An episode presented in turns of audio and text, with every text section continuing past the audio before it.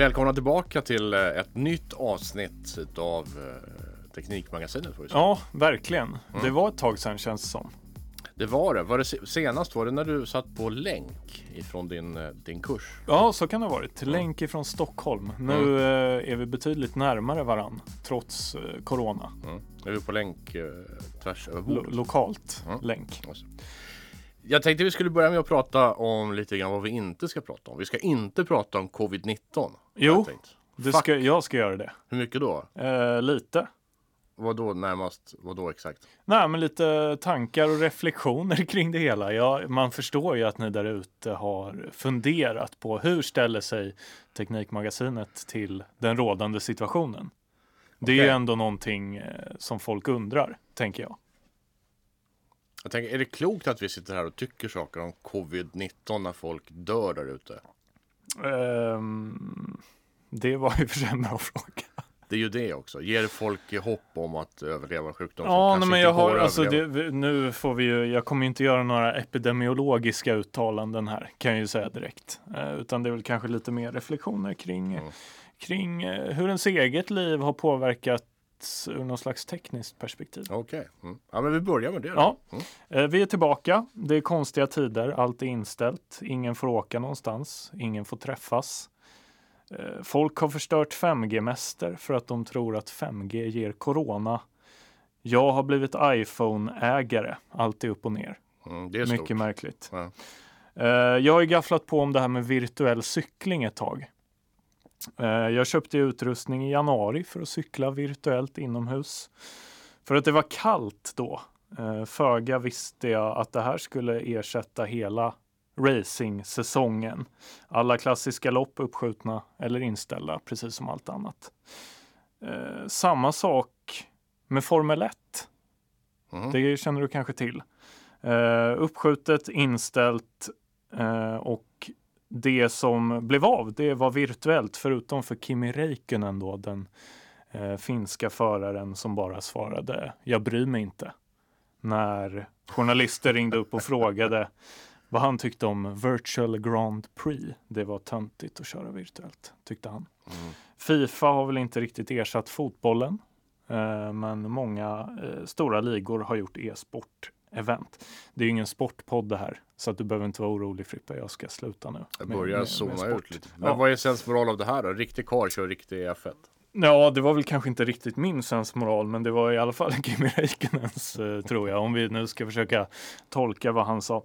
Ehm, min poäng är i alla fall att mer har blivit virtuellt av det här. Farmor och farfar har Skype. Det är också knasigt. Eh, folk köper tv-spel som aldrig förr. Alla möten är på internet. Folk jobbar på distans och går i skolan på distans. Eh, det har kommit lite olika rapporter gällande det. Vissa saker har fungerat bra, andra dåligt. Vi har också provat på att jobba på distans eh, i perioder med varierande resultat kan man väl säga. Mm. Hur tyckte du att det var? Nej, det var fruktansvärt. Ja, ja jag tyckte det var helt okej. Mm. Eh, många journalister har liksom desperat och, krampaktigt eh, ställt frågan till experter i egentligen alla olika fält. eh, För det här corona något gott med sig? Den frågan har man ju hört ställas massa gånger. Det har, inte jag hört, det har inte jag hört en enda gång. Har du inte? Nej. Speciellt i teknik, tekniksammanhang, tycker jag. Eh, det är många som har ställt frågan. Vi är såklart inte bättre. Vad tror du Frippa, har det fört något gott med sig det här? Men vad skulle, Ur, ur skulle det... tekniksammanhang tänker jag. Farmor och farfar är på Skype, är det bra? Alltså om min, om min farmor och farfar skulle finnas på Skype då skulle någonting väldigt konstigt ha hänt i världen för de har varit döda i många år. Eh, det hade varit märkligt ja. såklart. Men, men eh, du förstår vad jag söker Jag, efter. jag, jag, jag, tänker att du sköt ner frågan på ett väldigt morbid sätt. Eh, jag pr- försöker prata med min pappa. Mm. Han är i livet, han är i 80-årsåldern. Jag försöker prata med honom via ja, Messenger då. Eh, så, inte Skype. Men han kan inte. Det blir inte bra. Han eh, eh, plockar upp sin, eh, sin eh, pekplatta och håller fingret för kameran. Och jag säger åt honom, pappa flytta på, på fingret. Och då flyttar han på iPaden till fönstret istället. Alltså, han, han förstår inte det här. Det är för nytt. Och han är för gammal och han vill inte. Eh, så. Eh, Så att jag tycker inte det är någonting bra. Jag vet inte vad det skulle vara som för. Vi har jobbat hemifrån. Jag tycker Mm. att vi, jag menar, vi jobbar med ljud. Det är det vi gör. Vi jobbar med ljud. Eh, jag har ingen studio hemma, jag om du har en studio hemma. Men man Ja, behöver det är väl en definitionsfråga såklart. Men, eh, ljuddämpande material. Nej, Ga- garderob har jag. Ja. Det är ljuddämpande ofta. Ja, okej. Nej men för det där är någonting som det har pratats mycket om nu som jag har tänkt ganska mycket på det här med, med liksom eh, Ja men man, man vurmar ju lite för skärgården och sådär och, och det har ju liksom pratats om det här just med distansarbete och, och distansutbildning och det är det som jag tycker är, har varit det intressanta i det här att fo- folk menar ju på något sätt i ja, men folk i teknikpress och, och folk i tekniksvängen att det här liksom har drivit på utvecklingen vad det gäller, vad gäller distansarbete på något vis. Men, men jag vet inte om jag tycker det. Nej, jag tycker inte det heller. Jag tycker att det har drivit på eh, tvånget att hitta distansarbetsgrejer som åtminstone funkar lite grann. Exakt. Och så har man gjort det. Men det är fortfarande bättre. Du får mer effekt ur att träffas på jobbet och Mm. eh, sådär, ingå i en social gemenskap och göra jobbet i den sociala gemenskapen för att det bidrar till tankeprocesserna. Sen tror jag att det finns jobb som, med det sagt då, så finns det jobb som passar väldigt väl för distansarbete. Jag kan tänka mig om jag hade varit programmerare. En programmerare behöver inte sitta i någon social gemenskap. Det kanske är trevligt, men det tillför inget. Tvärtom så behöver man speciellt i det sammanhanget den här sociala bubblan för att liksom Fokusera. fokusera på sina interna processer och sitta ute i skärgården, bara ha en bra internetuppkoppling och, och programmera och skicka kodsnuttar fram och tillbaks till någon som liksom vidimerar och kollar koden och sådär. Det skulle ju funka alldeles utmärkt. Att sitta, det vet jag det finns i skärgården, holländska skärgården så finns det, eller har funnits sånt arkitektpar som har suttit och gjort ritningar. Funkar väl också säkert jättebra på distans. Om du håller på med CAD, sådana där grejer. Så finns ju arbetsuppgifter som faktiskt verkligen lämpar sig för att jobba på distans. Jag tror att det blir konstigt när man tar arbetsuppgifter som under årtionden har skapats för att ingå i ett socialt sammanhang och sen petar ut de här i små portioner till folk som sitter hemma. Då blir inte det bra. Det blir kanske i bästa fall så här okej, men det blir inte så bra som det hade kunnat bli. Då Nej. har vi ju inte tjänat någonting. Då har vi bara tvingat oss att jobba på ett sätt som inte är riktigt bra. Nej, precis. Nej, det var lite det här jag ville åt med min konstiga introduktion där. Men för, för, för min tanke är att rent tekniskt så har inte så mycket drivits framåt av det här egentligen. Det känns som att eh, Microsoft Teams och, och Zoom och vad de olika videochattarna nu heter, de, de har köpt lite större serverutrymme, men egentligen så är det ju organisationsmodellerna eh, ute på arbetsplatserna som har tvingats eh, liksom till, till att anpassa eh, anpassa sig och inte tekniken i sig egentligen. Ehm, men, men jag vet inte, jag tänker att någonting kanske, många har ju på något sätt tvingats prova på det här nu. Eh, och verkligen bara kastats rakt in i det på något vis. Så det kanske driver eh, någonting framåt. Jag tänker att det kanske driver en förändringsbenägenhet framåt. Så att nästa gång, du, jag menar det här, det här var en pandemi. Jag menar, sen så, så småningom så har vi löst den, då kommer ju säkert nästa. Vi människor lever allt tätare tillsammans. Det är klart att det kommer fler pandemier. Så nästa gång så är vi kanske mer i vårt mindset beredda att hantera en sån situation än vi har varit tidigare. Men det i sig skapar inte högre produ- produktivitet. Det skapar bara högre, vad ska vi säga, riskberedskap då kanske. Och, sånt där. Och det är väl kanske bra. Ja, nej, men för jag vet inte, för jag tycker bara att den här tanken med att arbeta på distans är fin på något vis. Att, att man kanske ska få ha den möjligheten. Eller någonting. Det skulle ju hjälpa landsbygden i alla fall. Ja, det skulle det göra. Men det är också någonting som landsbygden eh, väldigt högljutt har önskat sig i, i årtionden. Jo, exakt. Varför är det Men- inte fler som flyttar Nej. hit? Man kan jobba på distans. Men praktiken är, den bittra verkligheten är att det är inte så många yrken där du faktiskt får ut mer av att jobba på distans själv än du skulle få i det sociala sammanhanget. Tror jag.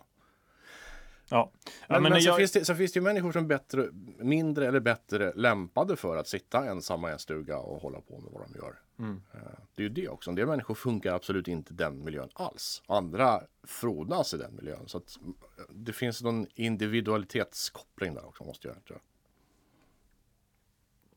Ja, jag vet inte riktigt vad jag ville komma med det här. Men jag tycker att just det där har varit en intressant eh, debatt som på något sätt har bubblat lite någonstans. Men man har ju också märkt att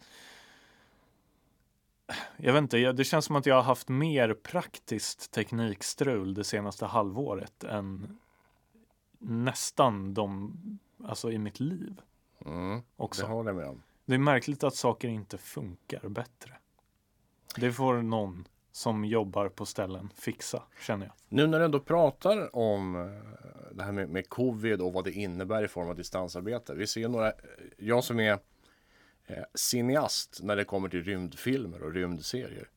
Jag märker till exempel att eh, nu gick ju här i vintras, höstas och vintras så gick den här Star Trek-influerade serien eh, Picard. Eh, som var ett platt fall förstås i Star Trek-kanonen. Men som var intressant att se förstås eftersom man har följt eh, liksom Star Trek-universat under så många år.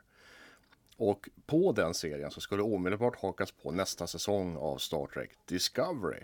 Som är mer den Star Trek-liknande delen av Star Trek-genren. Så. Eh, och premiären skulle ha varit någon gång i slutet på april. Ja, men den, den fick ju aldrig premiär. Eller den har ju fortfarande inte fått premiär, ska jag säga. Den kommer ju, men det har blivit framskjutet på grund av Corona.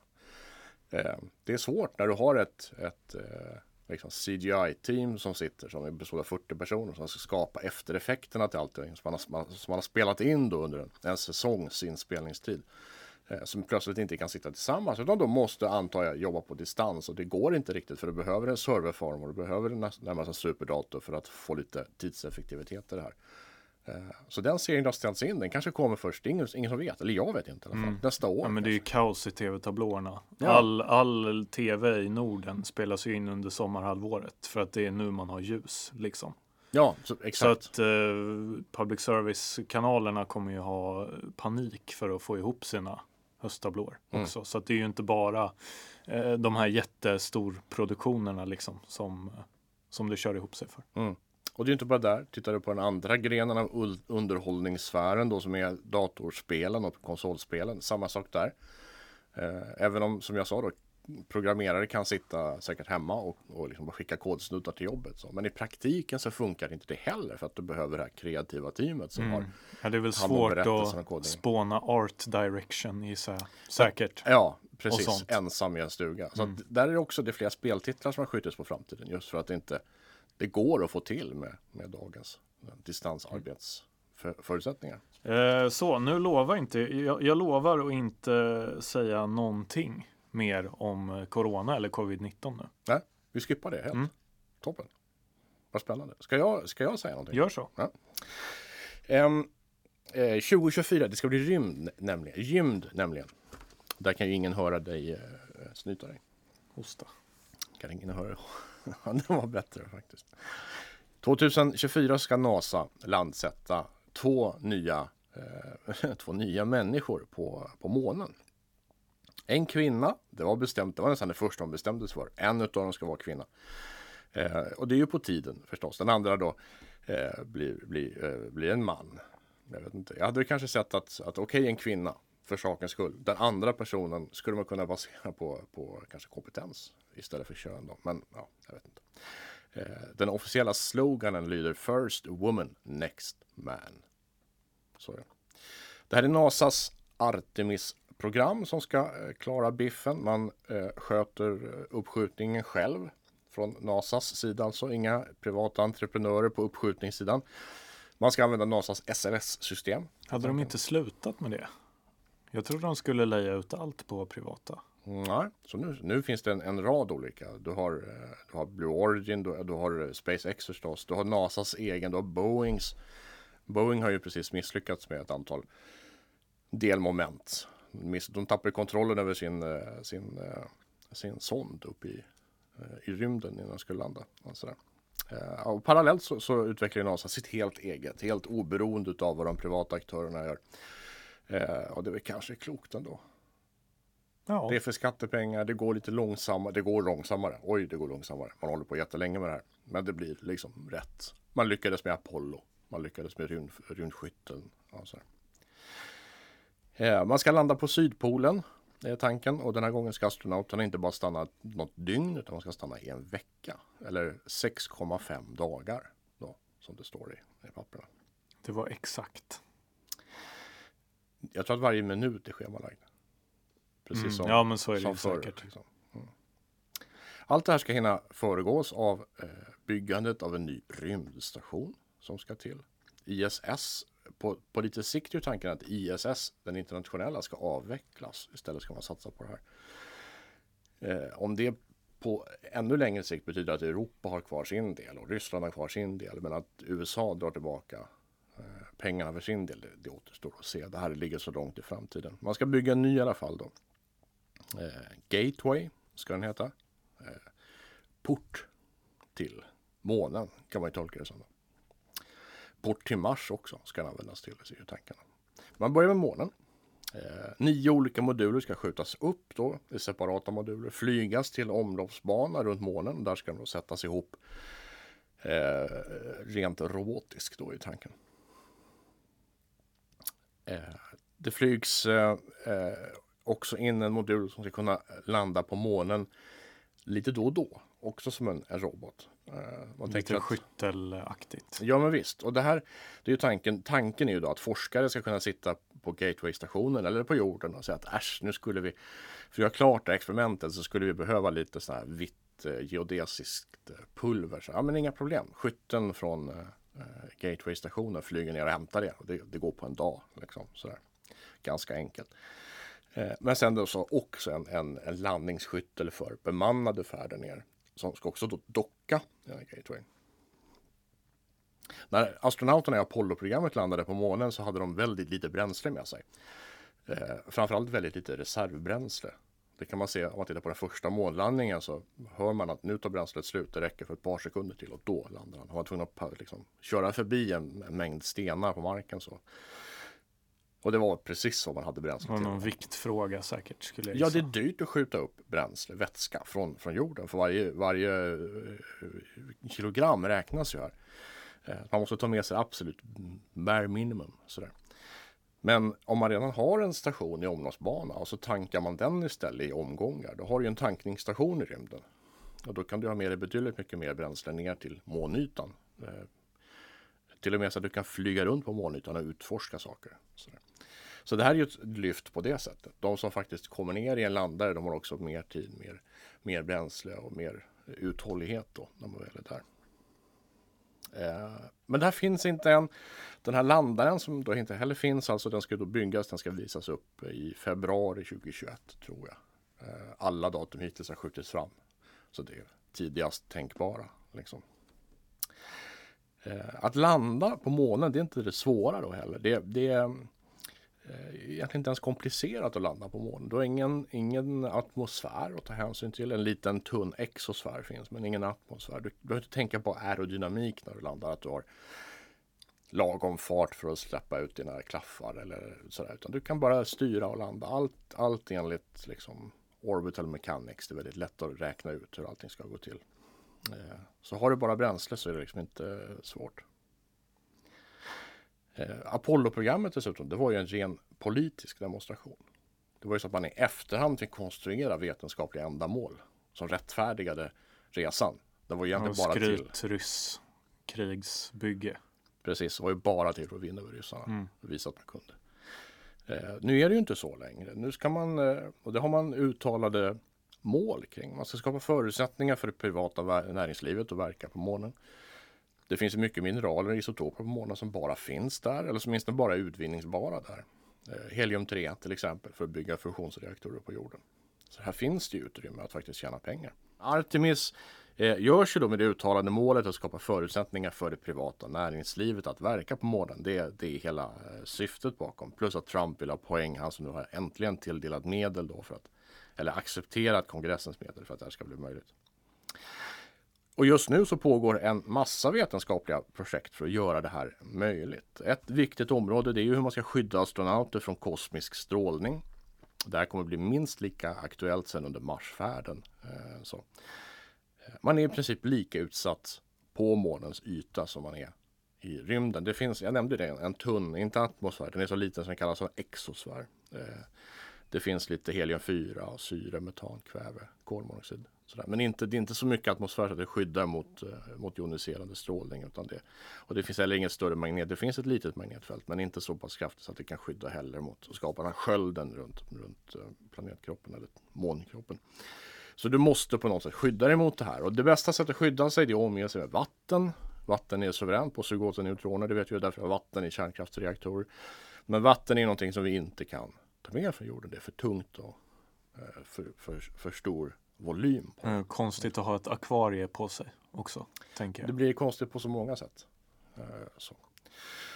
Du måste sedan också förflytta vattnet på något sätt i täta behållare till där de ska vara. Så det funkar. Det finns, det finns rätt gott om, om is på månen, speciellt vid polerna. Eh, du skulle i princip kunna hetta upp och använda det, men det krävs en infrastruktur som inte finns på den. Så därför måste man hitta någonting annat.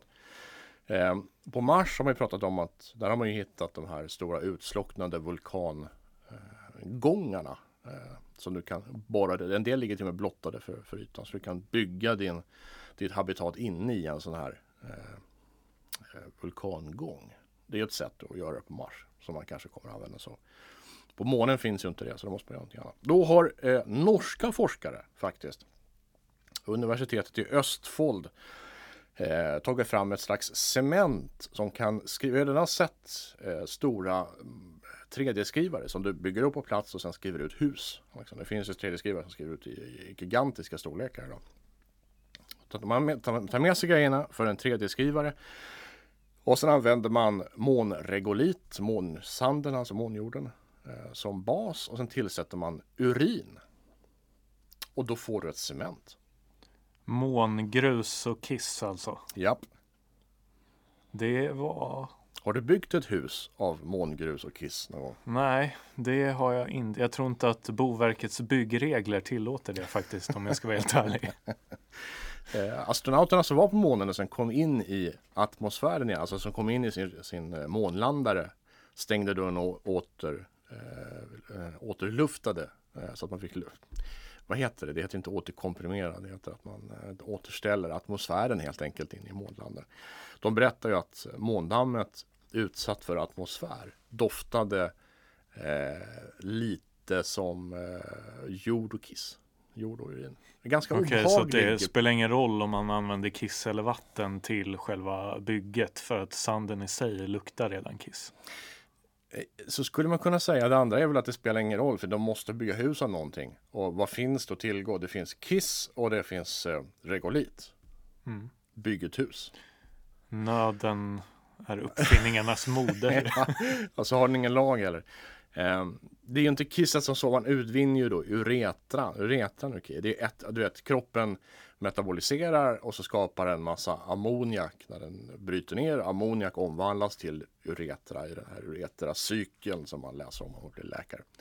Eh, och, och det som blir kvar är då det här väldigt kvävehaltiga uretran som inte i sig luktar kiss, den luktar väl snarare lite ammoniak kanske då. Det gör månen redan, så att fine. Så det är en tanke. Eh, nu har man inte testat det här i eh, låg gravitation eller i vakuum. Men allting tycker man då pekar på att det här kommer att funka. Man kommer kunna skriva ut i ganska stora. Men hur gör man? Kan man tillverka eh, månsanden på något vis? På jorden? Ja.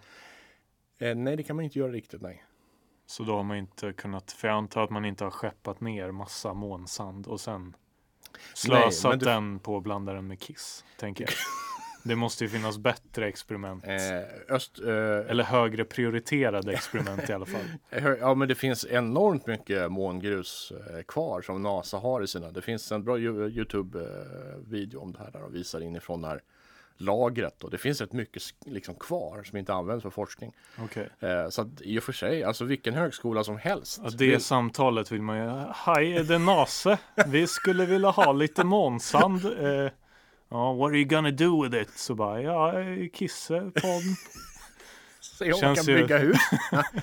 eh, akkurat, men eh, ja, nej men alltså vilken, vilket lärosäte som helst i världen kan beställa från NASA. Det är inte säkert att man får det, men, men man kan lägga in en Jag beställning. tänker att det beror lite på vad det står i den liksom ansökan.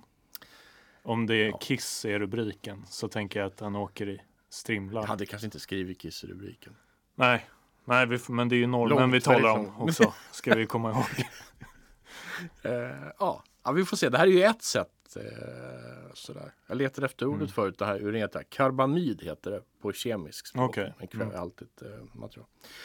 men det här, alltså det, tanken är ändå att bygga, inte hela hus i det här kissstensmaterialet utan man bygger ingångar i naturliga upphöjningar. Man bygger typ Bilbos hus. Okej, ja. Eh, Kul, kulor, heter det det? Gryt. Ja, ja, ja, men det var bättre ord kanske. Man, man gräver gryt där utgången är gjord i det här materialet. Men, men resten är uthugget ur månsten. Eh, det är ett förslag. Antar man inte det här eh, den här kisscementen så finns det ju eh, säkert andra idéer också som, som man, man utforskar samtidigt. Eller det gör det garanterat, det finns flera stycken. Vi får se lite. Det är så mycket som ska hända nu fram till 2024 när månlandningen ska äga rum. Mycket av tekniken, precis faktiskt som under Apollo-programmet, finns inte än. Inte ens på ritbordet. Kanske som idéer i folks huvuden, men, men eh, inte samlat på ett sätt så att man kan liksom konstruera ritningar utav det här. Mycket är fortfarande okänt. Eh, vi vet att NASA har kontaktat SpaceX för att så småningom, när det finns någonting som liknar en koloni på månen, eh, kunna flyga dit astronauter i större mängd med sitt eh, Starship, där som är tänkt att flyga till Mars så småningom. Eh, för att det ska funka, för att inte regoliten ska sugas upp i motorer, de här enorma motorerna, så måste man först bygga någon slags landnings, någon slags förhårdad i alla fall yta på månen så att den, den kan landa utan att det sprayar upp massa eh, regolit. Så det, det, finns, det finns saker som vi vet eller tror fått utlovat kommer att hända sen längs vägen. Men, men exakt, det vet vi ju inte än. Det- Men det kommer vi märka under de här, de här kommande fyra åren. Det kommer bli väldigt spännande. Så länge pengarna finns på plats så, så finns nu äntligen ambitionen att faktiskt på riktigt landa på, på månen. Och nu inte för, som kapplöpning med någon annan utan nu av helt kommersiella ändamål. Om något lite ädlare syfte ändå. Om kommersialism kan betraktas som ett ädelsyfte så ja. Ja men eh, alltså i jämförelse med att spänna musklerna för varandra mellan stormakter. Så tänker jag sant. att det ändå är lite bättre. Det är sant. Alla de människor som kommer att njuta frukterna utav det här då på sikt. Kanske lite mindre dumdristiga tilltag också. Alltså lite säkrare för astronauterna om man har det, Det vi- syftet. Ja, det- det, vi har idag som vi inte har haft tidigare under mänsklighetens historia, det är ju elektronik som gör skäl för namnet. Eh, som den här lilla månlandaren som ska kunna bara smyga ner och ta ett nytt prov. Det var, en, det var fullkomligt otänkbart i slutet på 60-talet för du kunde inte bygga en, en autonom robot på det sättet. Det kan vi idag. Vi har i och för sig inte artificiell intelligens. Vi har inte elektronik som kan fatta egna beslut utifrån eh, annat än rena sensoriska data. Eh, så det har vi inte, men vi har det näst bästa som är maskininlärning. Eh, där du kan använda sensoriska data till att fatta förprogrammerade beslut. Att de här handlingsalternativen finns, det gör vi så här. Man kan testa sig fram till olika eh, trial and error. Eh, Bara kasta ut eh, 40 stycken sådana Boston Dynamics hundar på månen som får springa runt. Det skulle vara intressant att se hur de anpassar sig till eh, lägre eh, gravitation.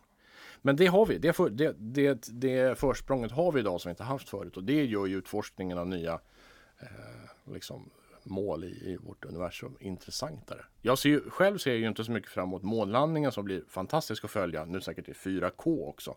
Eh, bara en sån sak.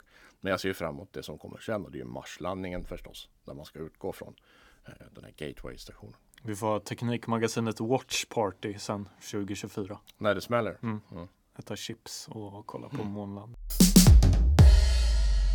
PS5. Mm. Har du tänkt något på den?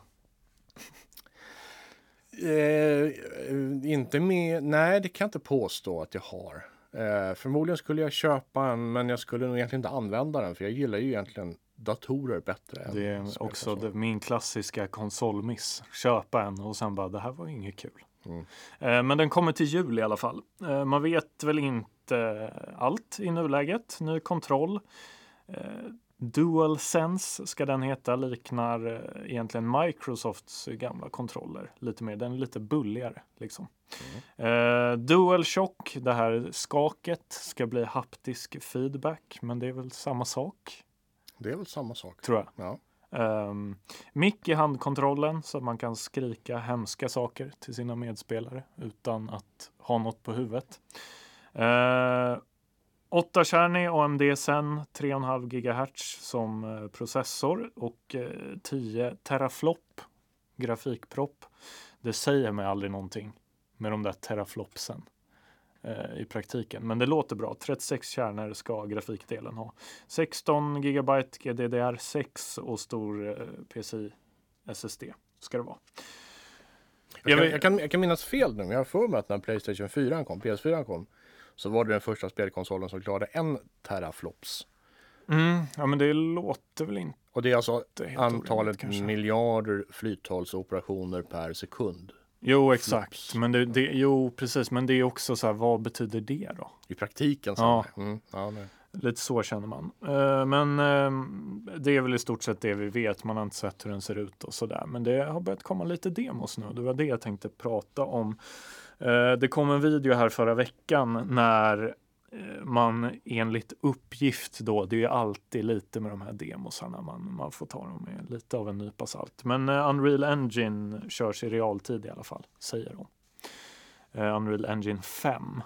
Och eh, i det här Unreal Engine 5 då så finns det två nya stora tekniker som heter eh, Nanite eller Nanite kanske eh, och Lumen. Eh, och tillsammans så utlovas då detaljrikedom och, och ljussättning egentligen kan man säga. Eh, hårdvarusajten Sveklockers skriver så här om Nanite. Eh, det innebär virtualiserad mikropolygongeometri eller något sånt. Eh, tidigare icke skådad densitet i realtidsrenderad grafik. Det betyder väl ungefär att det är eh, väldigt många pixlar i realtid. Eh, grovt förenklat. Eh, dynamiskt ska man då skala polygondensiteten eh, och det här, genom det här så kan man eh, undvika eh, distinkta detaljnivåer och så kallade normal map-texturer. Det är mycket fluff i det här känner jag. Eh, men, men, men det man kan säga är att det ser rätt sjukt ut. Jag vet inte, du, du tittade väl säkert på också, också, på demon? Precis, om vi ska dumma ner det här lite för oss vanliga dödliga. Jag tror att det det, det handlar om det är att behandla eh, bildpunkter eh, som normalt är polygoner. I de tredje spel vi har spelat hittills mm. så är det ju polygoner, alltså matematiskt beskrivna ytor som sedan beläggs med massa trianglar. Kan man Exakt, säga. som sen belä- som man lägger på en, en, en virtuell struktur på en, en, en bitmappad bild av någonting. En vägg eller ett djur eller en pistol eller mm. vad det nu är du vill modellera. Eh, jag, jag, tror att vad det här handlar om är att man går över till, och det tittar, om man tittar på de företagsköp man har gjort tidigare då, eh, eh, Epic, eh, så handlar det om någon slags kombination utav voxlar. Vet du vad en voxel är? Det är en volumetrisk pixel. Som kan vara delvis självgenererade. Det finns redan i spel. Voxelbaserade spel. De brukar vara lite blockigare. Eh, sådär. Brukar inte vara lika snygga. Det man har gjort här är att man har förfinat den här tekniken. Eh, och ehm, eh, i och med att man använder voxlar så behöver du inte beräkna eh, hur en hel omgivning ska se ut i form utav eh, polygoner för, för en, eller aldrig, men för en du kommer så pass nära så att de måste förändras. Det är där du har det här LOD, level of detail. Det behövs ju inte längre eftersom voxlarna alltid har samma värde. Okay. Så att det här handlar om, jag tror voxelteknik. Det, om man ska göra det ännu enklare, om du tittar på, eh, ja men Apple har ju sin kartfunktion. Jag vet mm. inte om Google har det här än, men, men Apple har ju haft det. Då. Om du går till någon stad där man har gjort det, typ New York, så kan du vrida på bilden och få en 3D-bild av New York. Och det beror ju inte på att någon har byggt hela New York i ett CAD-program och sen importerat in i Maps. Utan det beror på att det är fotograferat ut två eller tre olika vinklar och sen så beräknar liksom appen resultatet av det här eh, eh, direkt. Mm. Liksom. Så. Och det, det, här är ungefär samma teknik som används i Unreal Engine 5. Alltså att man räknar fram ett resultat utifrån kända variabler. Men du måste inte göra det hela tiden och för hela omgivningen utan bara på just exakt det som du, som är du nära. På. Liksom. Ja. Mm. Uh, Okej, okay. ja men då, då, jag känner att jag förstår lite i alla fall. Det är lite men resultatet, jag såg ju demot, resultatet är, alltså det är ju otroligt snyggt gjort. Ja. Det blir, effekten blir ju magisk. Alltså. Mm. Det ser ju fotorealistiskt ut. Men så, och det är ju samma, då, då kommer ju den här andra delen in som heter Lumen då. Eh, och det, det är liksom det sättet man behandlar ljus på kan man säga. Um, uh, det, det, är inte raytracing som vi har pratat om innan uh, någon gång, men, men det är ganska likt det. Och Unreal Engine har också stöd för raytracing. Men jag skulle gissa att uh, hårdvaran inte kommer palla det. PS5 ja, det är fortfarande ett mer traditionellt sätt att räkna på, på ljus som eh, som linjer i, Mm. alltså det är fortfarande väldigt berä- beräkningskrävande.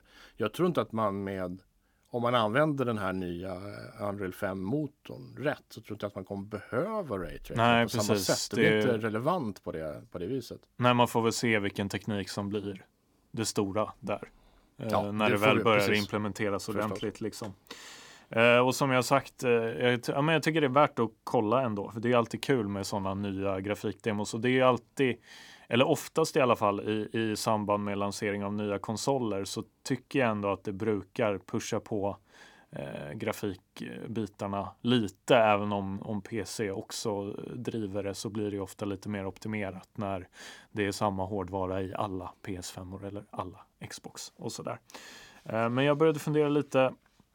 Du har ju varit med ett tag och det känns ju som att alltid när det kommer sådana här nya, du är gammal Frippe, det är det jag Ja, vill säga. Alltid, alltid när det kommer nya så demos och stora lanseringar så är man ju så här, ja, nu ser det verkligen verklighetstroget. Och det känns som att så här, hela mitt liv så har man alltid sagt det. Men, men sa man det när liksom Nintendo 16-bitars kom också? Eller var det så här, ja nu är det typ som tecknad film, eller så här, fanns det något Minns du det? För, Man- för det är ju konstigt att man varje gång säger samma sak. ja, jag jobbar ju som spelrecensent väldigt Ja, länge. du borde ju verkligen kunna ha en kommentar till det här då, tänker jag. Eh, jag höll på med olika speltidningar som gavs ut i Sverige när det fortfarande, fortfarande fanns en marknad för det. Eh, GameStop och Spel för alla och sånt där. Eh, jag minns när man lanserade Voodoo-korten till Mm. exempel. Eh, som hade en helt ny eh, teknik och, och prestanda också för att kunna liksom räkna om ytor och, och sånt där. Den egna, de egna proprietära tekniker som eh, transform and, lighting där man liksom kunde vid, vrida och vända på objekt och de fick eh, naturligt ljus beroende på ljuskälla och sådär. Och när det kom, men på den tiden så pratade man inte om att det här blev realistiskt, inte på det sättet, utan det blev snyggare och bättre och du vet, med en prestanda vi inte har sett förut eller eh, läcker, men aldrig, aldrig fotorealism. Men så Det man höll lite att- på den.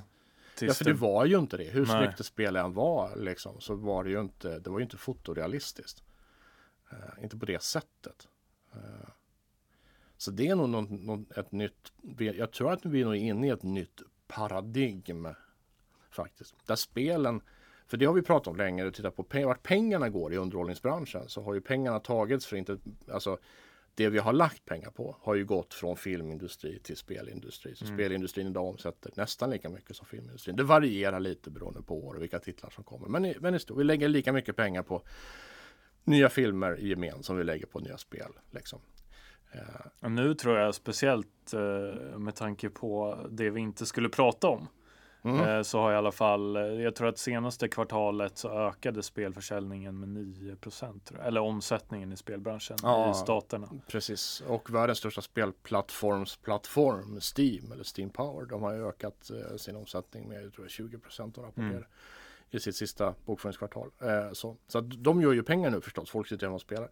Men hur som helst, det här med att saker faktiskt inte bara är, ser liksom snygga ut i spel utan att det faktiskt är fotorealism det handlar om. Det här ser likadant ut som jag själv skulle ha stått på den punkten. Och det är ju den känslan du får när du ser det här demot med Unreal 5.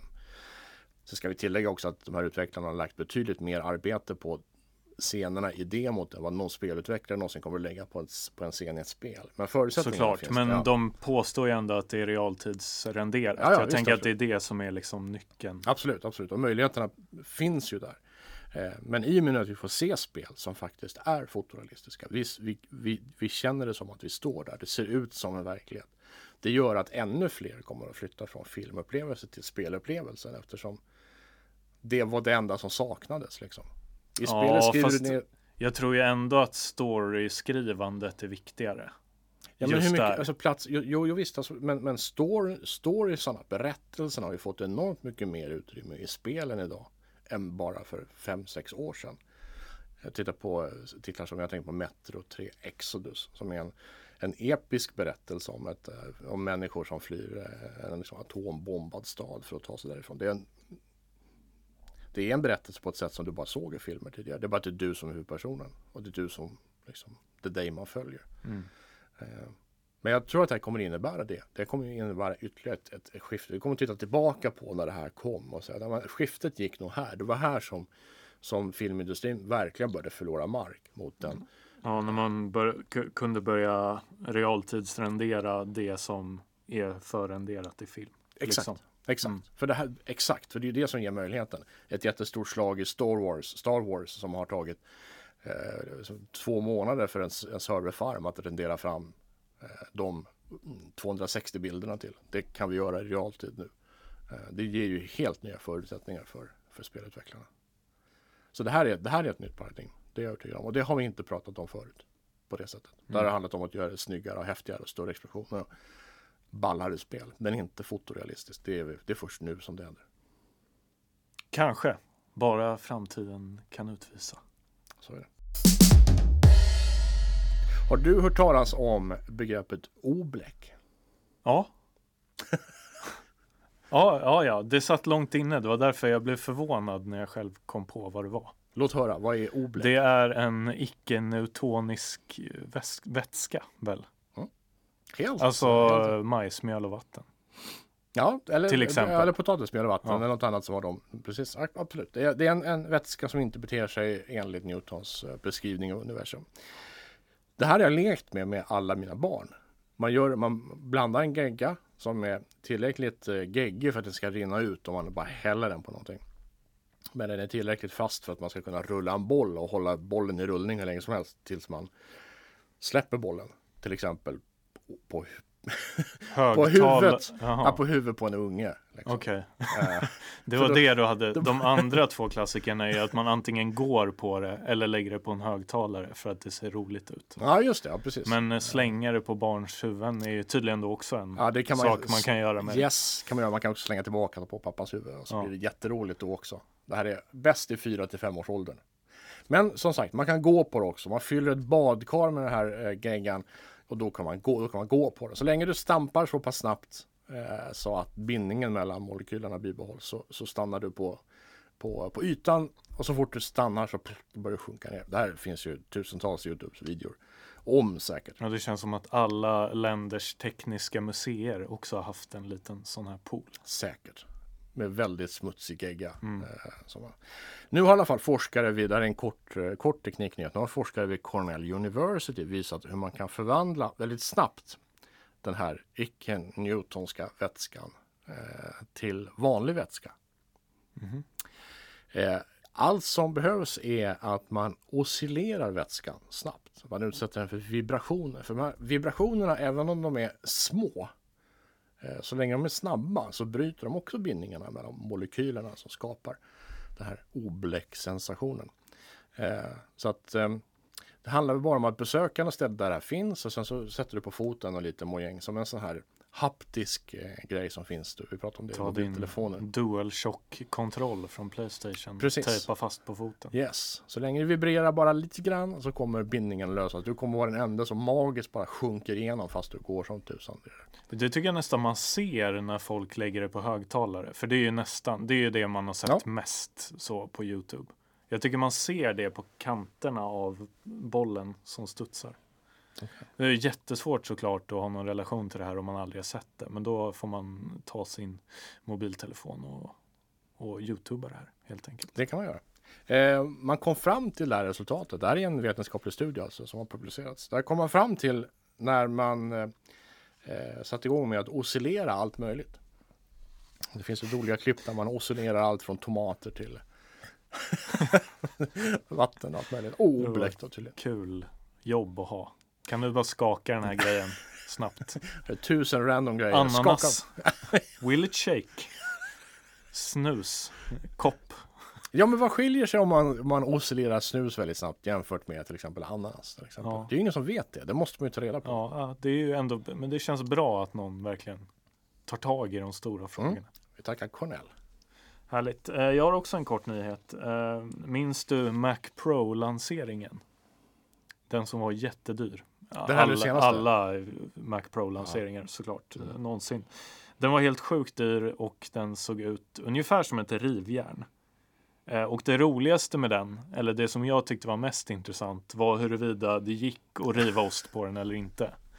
Eh, den var skitdålig att Ja. riva ost med. Mm. Eh, sen så följdes det ju av fl- flera sådana här olika dy- dyrskandaler. Julen till exempel, minns du dem? Nej. 700 euro för fyra hjul som man satte under sin datorlåda så att man kunde rulla den fram och tillbaka på golvet. Och skärmstativet som kostade Ja, hysteriska mängder pengar. Mm. Jag minns inte vad det var nu, men det var runt en tusenlapp säkert. Eh, men och även här då så eh, likt de som då testade att riva ost på Mac Pro så finns det ju någon hjälte där ute som testade att skata med de här dyra, dyra hjulen. Det var lite mäckigt att skruva på dem på brädan Mhm. såklart. Och eh, det var Youtube-kanalen Braille Skateboarding som testade det här. Mm. Hur tror du att det gick? Jag tror att det gick ganska dåligt. Det gick nästan lika dåligt som i osten. Aha. För hjulen snurrar ju liksom runt sin egen axel. Som, eh, som på en kundvagn Man har ungefär. ingen kontroll alls medan man Det, alltså jag var rädd när jag såg det. Mm. Men jag är också väldigt feg när det passar bra att min röst spricker samtidigt också. jag är väldigt rädd. Speciellt när det kommer till att ramla och sånt. Ja. Eh, Så att jag hade en klump i magen när jag såg det här. Mm. Men jag tycker ändå att det är kul att folk köper. Det är också någonting som Youtube på något sätt uppmuntrar till. Att göra dumma saker Mm, med alldeles för dyra saker. Ja, ja. Eh, Men det är bra. Ingen annan har ju råd att slänga 700 euro på att testa om det här går. Eh, Så det var ju bra att någon gjorde det. Men, Mm. men köp dem inte om du vill ha nya hjul till din skateboard. Så kan vi säga. Mm. Det är väl så att det här nya, vi pratar om den här nya senaste Mac, eh, som Macbook Pro, sa du det? Mac, Mac Pro. Pro. Mac Pro, ja precis. Eh, den har ju en del intressanta lösningar när det gäller moderkort och, och liksom hur bussarna är dragna och så här som är rätt fascinerande. Ja, den fick väl lite bättre betyg på, på skruva sönder-skalan än de tidigare. Ja, ja, jag tror det. Ja, precis. Ja, fast jämför man med de förra katastroferna till eh, Mac Pro så soptunnan. Mm. Eh, jag minns eh, speciellt den här den där kuben i, i, eh, i plexiglas. Minns du? Den missade jag nog tror Ja, jag. okej. Mm, Det här är också 15 år sedan kanske. Mm. Eh, Den hade features som ingen, ingen fläkt överhuvudtaget. Eller det, det fläktade inte tillräckligt för att den skulle kylas ner i alla fall. Så att de här glasen fick olika temperatur och sprack så småningom. Katastrof. Det var dumt. Det fanns ingen plats för expan expansionskort. Ingenting. Var de bättre på att riva ost? Det vet jag inte, men det skulle man ju kunna testa. Jag får starta en Youtube-kanal. så. IO-panelen kanske så. Riva in ost i USB-kontakterna. Ja, ja, det borde ju funka. Oh, det skulle skära i hjärtat på en att göra det. Alltså, Parmesan i massa någon, olika nej, någon sån riktigt mjuk cheddar. Som bara kletar in sig i hålen. Ja, Nej, usch. ja, just det. Ricotta kanske. Ska vi avsluta med lite rymd? Det kan vi göra. Eh, I mitten av Vintergatan så finns ett svart hål. Mm. Det, det här vet vi nu, jag tror vi har pratat om det förut också. Sagittarius A heter det här, eh, det här svarta hålet. Eh, upptäcktes, tror jag, 1978. Eh, men sen har man ägnat 80-90-talen åt att debattera om det verkligen finns. Eh, så det finns en berömd amerikansk psykolog, eh, psykolog astronom, eh, kvinnlig sådan, som, som har då följt stjärnorna eh, runt det svarta hålet i 20 års tid. Bara för att bevisa att det svarta hålet finns där. Det, det är nu bevisat. Eh, Jag hoppas att hon kunde göra andra saker under tiden ändå. För jag tror att det här blev hennes livsverk. Henne Ja. och hennes eh, studenters livsverk. Att eh, liksom följa det här eh, hela tiden. Eh, I alla fall. Eh, vi, kan, vi kan ju inte se det här svarta hålet i sig. Det är ju ett svart hål. Liksom. Det, det är bara ett, ett hål som är svart. Det går inte att se. Eh, för rymden är också svart. Och, och liksom, Eh, sådär. Men vi kan se hur, hur stjärnorna rör sig omkring den. Eh, en omloppsbanas eh, hastigheter vid varje aktuell höjd eh, beror ju helt på massan hos objektet det roterar runt. Eh, så ju större massa, desto mer kraft verkar på kroppen som roterar runt det och desto högre måste hastigheten vara för att omloppsbanan då inte ska brytas och objektet falla neråt. Hade jorden varit mycket tyngre så hade ISS varit tvungen att åka snabbare för att inte trilla ner på jordytan igen. Så. Eh, basal fysik, det där vet ju alla. Eh, det här svarta hålet är ungefär lika stort som avståndet mellan vår sol och Merkurius. Det är ganska mycket. Eh, lite större faktiskt då. Men det innehåller massan, inte av lite mer, utan av 4,1 miljoner solar. Så i det här objektet som skulle rymma i, vår, i vårt universum kanske tre solar och fyra solar så rymmer det fyra miljoner solar. Det är, eh, massan hos det här hålet är abnormt stor. Så. Eh, vi vet att det finns eh, svarta hål. Det finns ganska många svarta hål enligt beräkningar i universum som ofta cirklar runt helt utan kontakt med någon, någon galax i övrigt. De är för små för det, ganska små svarta hål. De här superstora, enorma svarta hålen, de hittar vi bara i galaxernas i centrum av galaxen. Ja, naturligt ändå på något sätt. Ja, det är ju så. De, de samverkar åt sig grejer. Ja, och de samverkar ju då med, med eh, den äh, mörka äh, materian i, i universum för att hålla ihop äh, då, de här byggställningarna som sen galaxerna kan konstrueras och rotera kring. en viktig komponent i det här. Men för att då som ensam liten stjärna kunna snurra runt det här Eh, enormt massiva svarta hålet utan att sugas in så krävs det också enorma hastigheter. Och nu har man mätt upp den snabbaste stjärnan i vår galax. Och det finns ju sådär tusen miljarder eh, stjärnor där ute i vår galax. Eh, att vara snabbast av dem, det är en ganska stor bedrift. Ehm, den här då, världens snabbaste stjärna heter S62. Den ingår i ett stjärnkluster som omger Sagittarius A. Eh, men som då ligger närmast det, det svarta hålet. De andra stjärnorna i klustret följer liksom efter som svansar runt det varje.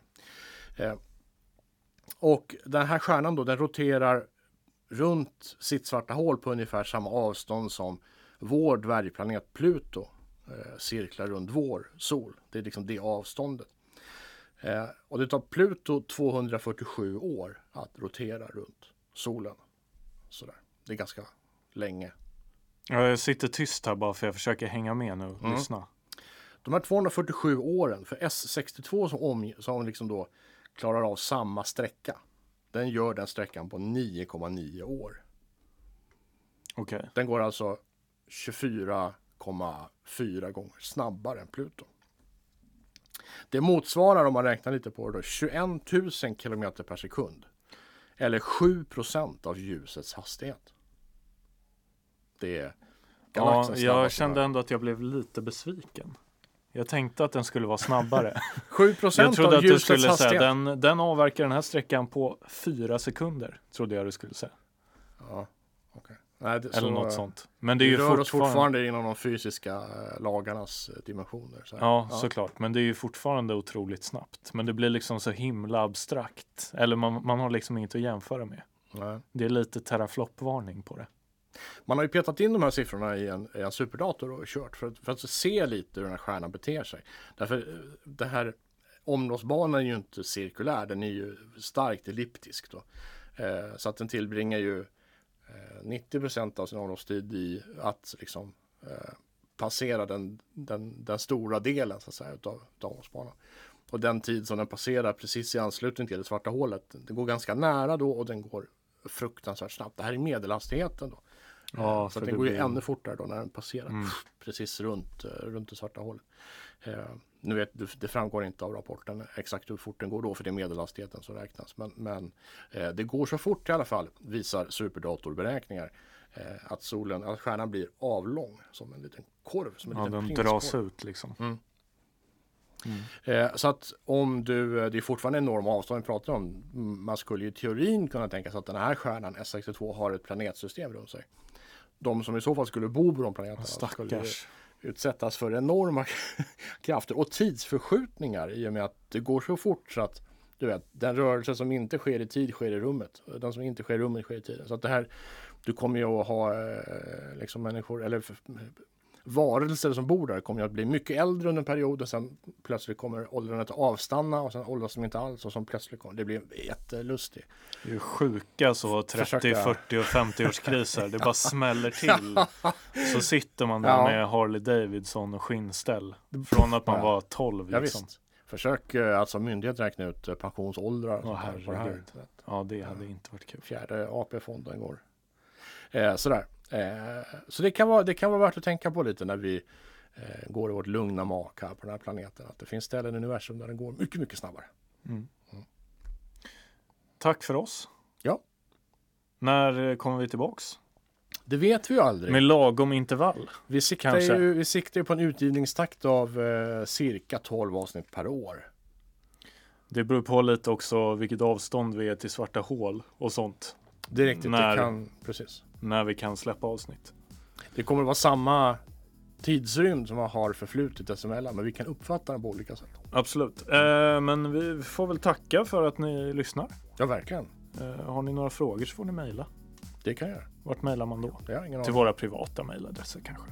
Axel.Eriksson alandsradio.ax. Ja, eller fredrik.granlund at samma.ax. Just det. Hör av dig med dina tankar och funderingar. Det går ju att nå oss också via Ålands Radios Facebook naturligtvis. Eh, och eh, på sociala medier i allmänhet.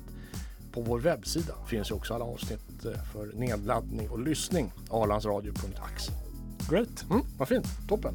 Ja men det här, var typ, det här kändes blev bra, bra. tyckte jag. Ja.